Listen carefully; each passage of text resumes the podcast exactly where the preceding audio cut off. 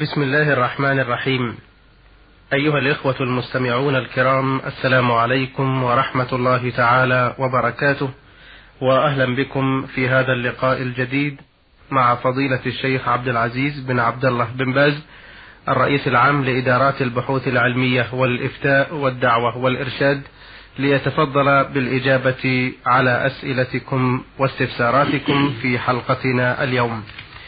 أيها الإخوة أول رسالة نستعرضها اليوم وردت إلينا من المستمع عمر محمود من جمهورية مصر العربية الشرقية يقول لي زوجة طيبة مطيعة وقورة وهي تذهب إلى العمل في غير ما تبرج ولا زينة ولكني أنا لست راض عن عملها هذا ولا أريد منها الذهاب واختلفنا على ذلك وحلفت عليها بالطلاق بقولي على الطلاق ما أنت ذاهبة إلى العمل مرة علي أخرى. علي علي. أو علي الطلاق ما أنت ذاهبة إلى العمل مرة أخرى. وكررت هذه الكلمة مرتين وفي الثالثة قلت علي الطلاق بالثلاث ما أنت ذاهبة إلى الشغل في السنة القادمة. وكان ذلك في جلسة واحدة. وكان غرضي ونيتي هو المنع من العمل وكانت هي في ذلك الوقت في, إجاز في إجازة وضع لمدة ثلاثة أشهر وكنت أريد أن نستفيد من مرتبها خلال هذه الإجازة في تسديد ديوننا وبعدها لن تذهب إلى العمل ولم تذهب إلى العمل في هذه المدة وكانوا يرسلون إليها مرتبها. وبعدما انتهت مدة إجازتها وحان وقت عودتها إلى العمل ناقشني أحد أقاربي في ذلك بقصد رغبته في ذهابها إلى العمل. فقلت له علي الطلاق ما هي ذاهبة وكررت هذا اللفظ مرة أخرى وكان ذلك أيضا في جلسة واحدة وكان غرضي ونيتي هذه المرة هو الطلاق إن هي ذهبت إلى العمل. أعيد. نعم. أعيد يقول بعدما انتهت مدة إجازتها وحان وقت عودتها إلى العمل ناقشني أحد أقاربي في ذلك أي يريد أن تذهب إلى العمل. فقلت له علي الطلاق ما هي ذاهبة الشغل؟ وكررت هذا اللفظ مرة أخرى. وكان ذلك في جلسة واحدة. وكان غرضي ونيتي هذه المرة هو الطلاق إن هي ذهبت إلى العمل. وفي اليوم المحدد لعودتها إلى العمل قلت لها إن ذهبت الشغل فلن تكوني زوجة لي كتأكيد ليميني السابق. ولكنها ذهبت إلى العمل. فما الذي يأمرني به ديني في هذه الحالة؟ وهل هذه الأيمان طلاقا رجعيا أم طلاقا بائنا لا رجعة فيه؟ مع العلم أنها الآن تعيش معي ومتمسكين وتتمسك بالبقاء معي وترفض مغادرة منزلي والذهاب إلى منزل أبيها. نعم. بسم الله الرحمن الرحيم. الحمد لله وصلى الله وسلم على رسول الله. وعلى آله وأصحابه ومن اهتدى بهداه. أما بعد فإن الواجب على المرأة السمع والطاعة لزوجها فيما أباح الله لا في المعصية. وكون السائل منعها من الذهاب إلى العمل هذا ليس بمعصية بل أمر له حق فيه. فالواجب عليها أن تسمع وتطيع له في ذلك وألا تذهب إلى العمل. وقد نوى في الطلاق الأول المنع فقط فيكون عليه في ذلك كفارة يمين بسبب ذهابها للعمل لأنه لم يقصد إلا منعها فقط. وهذا هو الصواب من قوله العلماء فيما إذا علق الزوج الطلاق على أمر يقصد المنع منه أو الحمل عليه أو التصديق أو التكذيب. هذا هو المختار عند جمع من أهل العلم. أما طلاقه الأخير فقد أراد به إيقاع الطلاق وقد كرره مرتين والجواب عن ذلك إن كان أراد بالتكرار إيقاع الطلاق في المرة الثانية كالأولى وقد وقع عليها طلقتان وبقي لها واحدة وله مراجعتها ما دامت في العدة وإن كان لم يرد إيقاع الطلاق في المرة الثانية حين كرر وإنما أراد تأكيد الكلام السابق أو إفهامها فإنه لا يقع بذلك إلا طلقة واحدة ويبقى لها طلقتان وله مراجعتها ما دامت العدة لقول النبي صلى الله عليه وسلم إنما الأعمال بالنيات وإنما لكل امرئ ما نوى. وقد نوى في الطلاق الأخير إيقاع الطلاق فيقع ما قال. والله سبحانه وتعالى ولي التوفيق. نعم. جزاكم الله خيرا. آه هذه رسالة من المواطن صاد سين من المدينة المنورة. يقول أرجو إفادتي بالتفصيل عن صلة الرحم وهل تشمل أهل الزوجة والزوج بالنسبة لبعضهم البعض أم لا ومن هم الأرحام؟ الأرحام هم الأقارب من جهة الأم ومن جهة الأب. الآباء والأمهات والأجداد والجدات أرحام. والأولاد وأولادهم من ذكور وإناث وأولاد البنات كلهم أرحام. وهكذا الإخوة والأخوات وأولادهم أرحام. وهكذا الأعمام والعمات والأخوال والخالات وأولادهم أرحام. داخلون كلهم في قوله جل وعلا وأولو الأرحام بعضهم أولى ببعض وداخلون في قوله سبحانه وتعالى متوعدا لأهل القطيعة بقوله عز وجل هل عسيتم إن توليتم أن تفسدوا في الأرض وتقطعوا أرحامكم؟ أولئك الذين لعنهم الله فأصمهم وأعمى أبصارهم وداخل في قول النبي صلى الله عليه وسلم لا يدخل الجنة قاطع رحم. وداخلون في قوله سبحانه في قول النبي صلى الله عليه وسلم أيضا من أحب أن يبسط له في رزقه وأن ينسأ له في أجله فليصل رحمه. وداخل بقوله عليه الصلاة والسلام لما خلق الله الخلق قامت الرحم. فقال يا رب هذا مقام العائد من القطيعة. فقال جل وعلا ألا ترضين أن أصل من وصلك وأن أقطع من قطعك؟ فقالت بلى يا رب. فقال ذلك لك. وفي لفظ قال جل وعلا من وصلها وصلته ومن قطعها بتته فالواجب على كل مسلم أن يعتني بالرحم وأن يصل أرحامه وأن يحسن إلى أرحامه وقراباته. أما أقارب الزوجة فهم أصهار وليسوا بأرحام. وكذلك أقارب الزوج بالنسبة إلى المرأة أصهار وليسوا بأرحام. وإنما الأرحام أقاربك من جهة أبيك ومن جهة أمك. وهكذا أقارب المرأة من جهة أبيها وأمها. هؤلاء هم الأرحام. أما أقارب زوجتك فهم أصهار وليسوا بأرحام. وهكذا أقارب الزوج بالنسبة إلى الزوجة أصهار وليسوا بأرحام. والإحسان إليهم وحسن الصلة بهم أمر مطلوب. ولكنهم ليسوا كالأرحام. نعم. أحسن الله إليكم. آه هذه رسالة من المستمع ميم ميم المختار من مدينة الجبيل الصناعية. يقول ما حكم من أخذ مالا حراما من عدة أشخاص وذلك قبل أن يبلغ سن الرشد؟ وبعدما بلغ سن الرشد تاب إلى ربه واستغفره ويريد أن يرجع المال لأصحابه وهو لا يعرف كم مقدار ذلك المبلغ ولكنه اجتهد في تقديره وبدون أن يظلم أحدا منهم إن شاء الله. وأيضا يوجد شخص من هؤلاء الأشخاص لا يعرف اسمه ولا مكان إقامته فهل يتصدق به عنه أم لا؟ أفيدونا أفادكم الله. أما من عرفهم فإنه يسلم إليهم حقهم حسب اجتهاده وحسب ما يغلب على ظنه ويستبيحهم ويسألهم العفو عما مضى وعما حصل.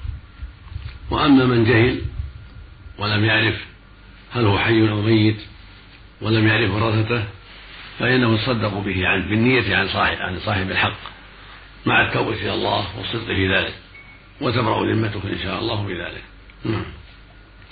آه هذه رسالة من المستمع عبد الله حماد حسين العمري أو العميري. يقول آه ما ما حكم الذبح على الميت حين وفاته بقصد عمل وليمة للصدقة على هذا الميت كما هي العادة عندنا في البادية في صحراء مصر العربية؟ نعم. لا يشرع للمسلم صنع وليمة لميته لا بالذبح ولا بغيره. إذا مات الميت شرع لأقارب الميت أن يصنعوا لأهل الميت طعاما وجيرانهم ونحو ذلك. أما أهل الميت فلا يصنعون طعاما ولا يذبحون ذبيحة من أجل الميت ولا يجمعون الناس عليها. قال النبي صلى الله عليه وسلم لما نبي جعفر بن أبي طالب رضي الله عنه حين قتل في الشام في الأردن قال إن قال أمر أهل بيته أن يصنعوا لهم طعاما لأهل جعفر قال اصنعوا لأهل جعفر طعاما فقد أتاهم ما يشغلهم. فالسنة أن يصنع لأهل البيت طعام من جيرانهم وأقاربهم الأباعد للأقارب الأدنين. أما كون أهل البيت يصنعون الطعام ويجمعون الجيران هذا لا يصلح بل هو من البدع ومن المآثم المنكرة. قال جرير بن عبد الله البجلي رضي الله عنه كنا نعد الاجتماع إلى الميت وصنعة الطعام بعد الموت من النياحة.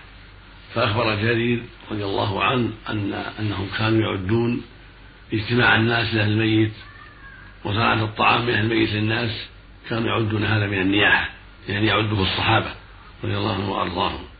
فدل ذلك على أن أهل الميت لا يصنعون طعاما للناس ولا يجمعونهم ولكن يستحب لجيرانهم وأقاربهم الأباعد أن يبعثوا لهم طعاما لكونهم مشغولين بالمصيبة وأما من ذبح ذبيحة لأجل الصدقة بها على عن الميت على الفقراء والمساكين فلا حرج في ذلك لكن لا تكون في وقت مخصوص ولا يجمع لها أحد بل تذبح وتوزع يوزع لحمها على الفقراء والمساكين صدقة في أي وقت كان ليس لها وقت مخصوص وليس لها خصوصية بيوم الموت بل متى فعلها في أي وقت لقصد مواساة الفقراء أو أعطاهم نقودا أو ملابس أو طعاما غير اللحم كل هذا نافع للميت. ويؤجر عليه فاعله. وقد ثبت عن النبي صلى الله عليه وسلم أنه سئل عن هذا. قال له رجل يا رسول الله. إن أمي افتلت نفسها ولم توصي وأظنها لو تكلمت صدقت. أفلها إذا تصدقت عنها؟ قال النبي نعم. اللهم صل عليه وسلم فالصدقة عن الميت نافعة بإجماع المسلمين. لكن ينبغي أن تكون في غير وقت الموت حتى لا يتخذ ذلك سنة وعادة. بل يوزعها في أوقات أخرى بين الفقراء من غير تخصيص وقت معين لا يوم الموت ولا يوم سابع الموت ولا يوم أربعين الموت ما يكون لها خصوصية. أما ما يفعله بعض الناس من إيجاد مآتم في اليوم الأول أو في السابع أو في الأربعين مآتم يجمع فيها الناس ويذبح بها الغنم أو غيرها هذا هذا شيء لا أصل له بل هو من البدع فلا يجوز. نعم أثابكم الله. نعم. آه هذه رسالة من المستمع حميم دال من جمهورية اليمن الديمقراطية الشعبية. ضمنها عدة أسئلة وقد سبق الإجابة على بعضها. في حلقة مضت بقي له سؤال واحد. يقول فيه إذا جاء شخص يوم الجمعة إلى المسجد ووجد الصلاة قد قضيت ووجد الصلاة قد قضيت ووجد رجلا بقيت عليه ركعة فهل يكمل هذه الركعة؟ فهل يكملها ظهرا أو يكملها جمعة؟ ولو انضم إليه شخص آخر فبعد أن قضى ركعة فهل أيضا يكملها ظهرا أم يكملها جمعة؟ نعم الواجب يكملها ظهرا لأن الجمعة فاتت لما لم يدرك منها شيء فاتت الجمعة. وإنما تدرك بركعة واحدة إذا أدرك الركعة الثانية مع الإمام صلىها جمعة. نعم. أما إذا لم يأتي إلا بعد السلام أو أو بعد الركعة الثانية في التشهد أو في حال السجود في الركعة الثانية فإنه لا يصليها جمعة. ولكن يصليها ظهرا. لقول النبي صلى الله عليه وسلم من أدرك ركعة من الجمعة فليضيف إليها أخرى وقد تمت صلاته فمفهومه أنه إذا ما أدرك إلا أقل من ركعة فإنه لا يكون مدركا للجمعة ولكنه يصلي ظهرا هذا هو المشروع أن يصلي ظهرا. وإذا أدرك إنسانا يقضي وصلى معه فإنه يصلي ظهرا ولا يصلي جمعة. نعم. نعم بارك الله فيكم. آه هذه وهذا أيضا يلاحظ فيه أن يكون بعد الزوال. نعم. أما إذا كانت الجمعة صلوها قبل الزوال فإنه لا يصلي الظهر إلا بعد الزوال. والجمعة يجوز أن تصلى قبل الزوال في الساعة السادسة قبل الزوال لا بأس على الصحيح. ولو كانت الجمعة صلي ذلك حين فاتته صليت قبل الزوال فإنه لا يصلي الظهر إلا بعد الزوال. نعم. آه هذه رسالة من المستمع عين عين سين الغامدي. يقول كان والدي رحمه الله قد أوقف أرضا زراعية بجانبها بئر على أن يصرف ريع هذه الأرض في استمرار دلو على البئر بمعنى لغرض سقاية المارة الذين كانوا في السابق يمرون بهذه الأرض مشيا على أقدامهم أو ركوبا على دوابهم من الحيوانات. فأوقف الأرض لهذا الغرض. والآن لم يعد هناك من يمر بهذه الأرض من المشاة حتى يستفيدوا من السقي من هذه البئر بواسطة الدلو الموقوفة الأرض لأجل استمرار بقائه. وأيضا الأرض تركت من الزراعة. لذا فليس لها ريع الآن. فأرشدونا إلى العمل الأفضل لنا فعله تجاه هذا الوقف. ينبغي نعم. ينبغي في مثل هذا التشاور مع قاضي البلد في بيع الوقف هذا وصرف ثمنه في وقف أنفع للمسلمين في بلد تنتفع بهذا الوقف في البركة ماء ينتفع بها الناس أو في إيجاد حوض يعني بركة من الماء لسقي مواشيهم أو ما أشبه هذا مما يحل يحل محل الدلو الأولى يعني يتشاور صاحب الوقف هذا مع فضيلة القاضي فيما تنقل إليه هذه الطباع وصف ثمنها في ما يناسب ويجانس ما أراده الواقف السابق. فإن لم يتيسر شيء من ذلك صرف ثمنها فيما ينفع المسلمين من تعمير المساجد التي هي في حاجة إلى تعمير أو ما أشبه ذلك مما يراه القاضي نافعا للمسلمين ومن جملة المصالح العامة. نعم. يعني لو أنفق نقدا مثلا سلم إلى أحد من المحتاجين أو وزع. لا إذا يصل شيء مثله يكون أحسن إذا تيسر. نعم. صرفه في بركة تنفع المسلمين في بعض القرى أو صرفه في إيجاد بئر تسقي بعض المارة أو تسقي بعض الفقراء من في بعض القرى المحتاجة أو بعض البادية. إذا وجد شيء من هذا فهو أفضل حتى يجالس ما أراده الواقع فإما تيسر صرف في ما هو أنفع وأبقى مثل المساجد وأشبه. نعم. جزاكم الله خيرا. آه هذا سؤال من المستمع نبيل ناظم مزاحم من العراق ناحية السعدية يقول آه أنا من محبي تربية الحيوانات الأليفة كالطيور وغيرها ولكني معارض وبشدة من قبل أهلي على تلك التصرفات على أنه حرام أو مكروه إلى آخره. وحسب ادعائهم أنها تجلب الشر وتبعد الرزق عن عن البيت. أرشدوني إلى الصواب في هذا الموضوع حسب ما يتفق مع شريعتنا. جزاكم الله خيرا. لا نعلم حرجا في تربية الطيور ونحوها الدجاج والحمام وكما تربى الأغنام وغير ذلك هذه مثلها فلا حرج في ذلك. والزعم بأن فيها شر أو تجلب شر على البيوت كل هذا لا أصل له. بل لا حرج فيها ولا بأس بها. فالطيور التي أباحها الله لا بأس بتربيتها كالحمام والدجاج وأشباه ذلك مما يتربى في البيت وينتفع به صاحب البيت بالبيع أو الأكل كل هذا لا حرج فيه. كما تربى الأرانب تربى الأغنام وأشباهها كالإبل والبقر كل هذا لا بأس به. ولا حرج فيه إذا لم يكن فيه أذى. إذا كانت هذه الطيور لا تؤذي الجيران. بل تكون مقصوصة لا تؤذي الجيران أو طائرة لكنها لا تؤذي الجيران فلا حرج في ذلك.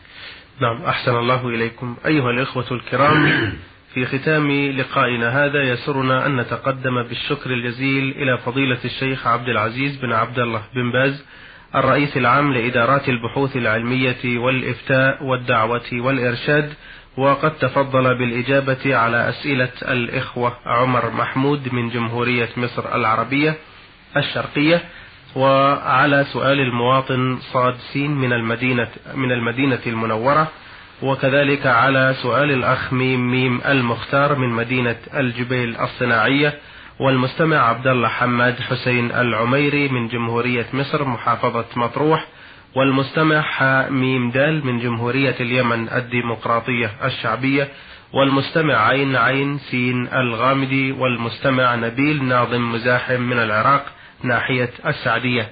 مستمعين الكرام نشكركم على حسن متابعتكم وإلى لقاء آخر. نستودعكم الله.